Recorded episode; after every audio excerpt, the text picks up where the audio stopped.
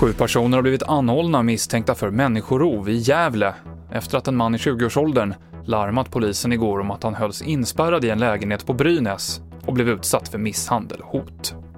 Igår rapporterade vi om att det kan dröja till september innan Sverige och andra EU-länder når flockimmunitet mot covid-19 eftersom man varit långsamma med att börja vaccinera, det här hävdar ett analysföretag. Men Sveriges vaccinsamordnare säger att han är övertygad om att hela Sveriges befolkning kommer att ha erbjudits vaccin innan midsommar och att den här analysen är felaktig.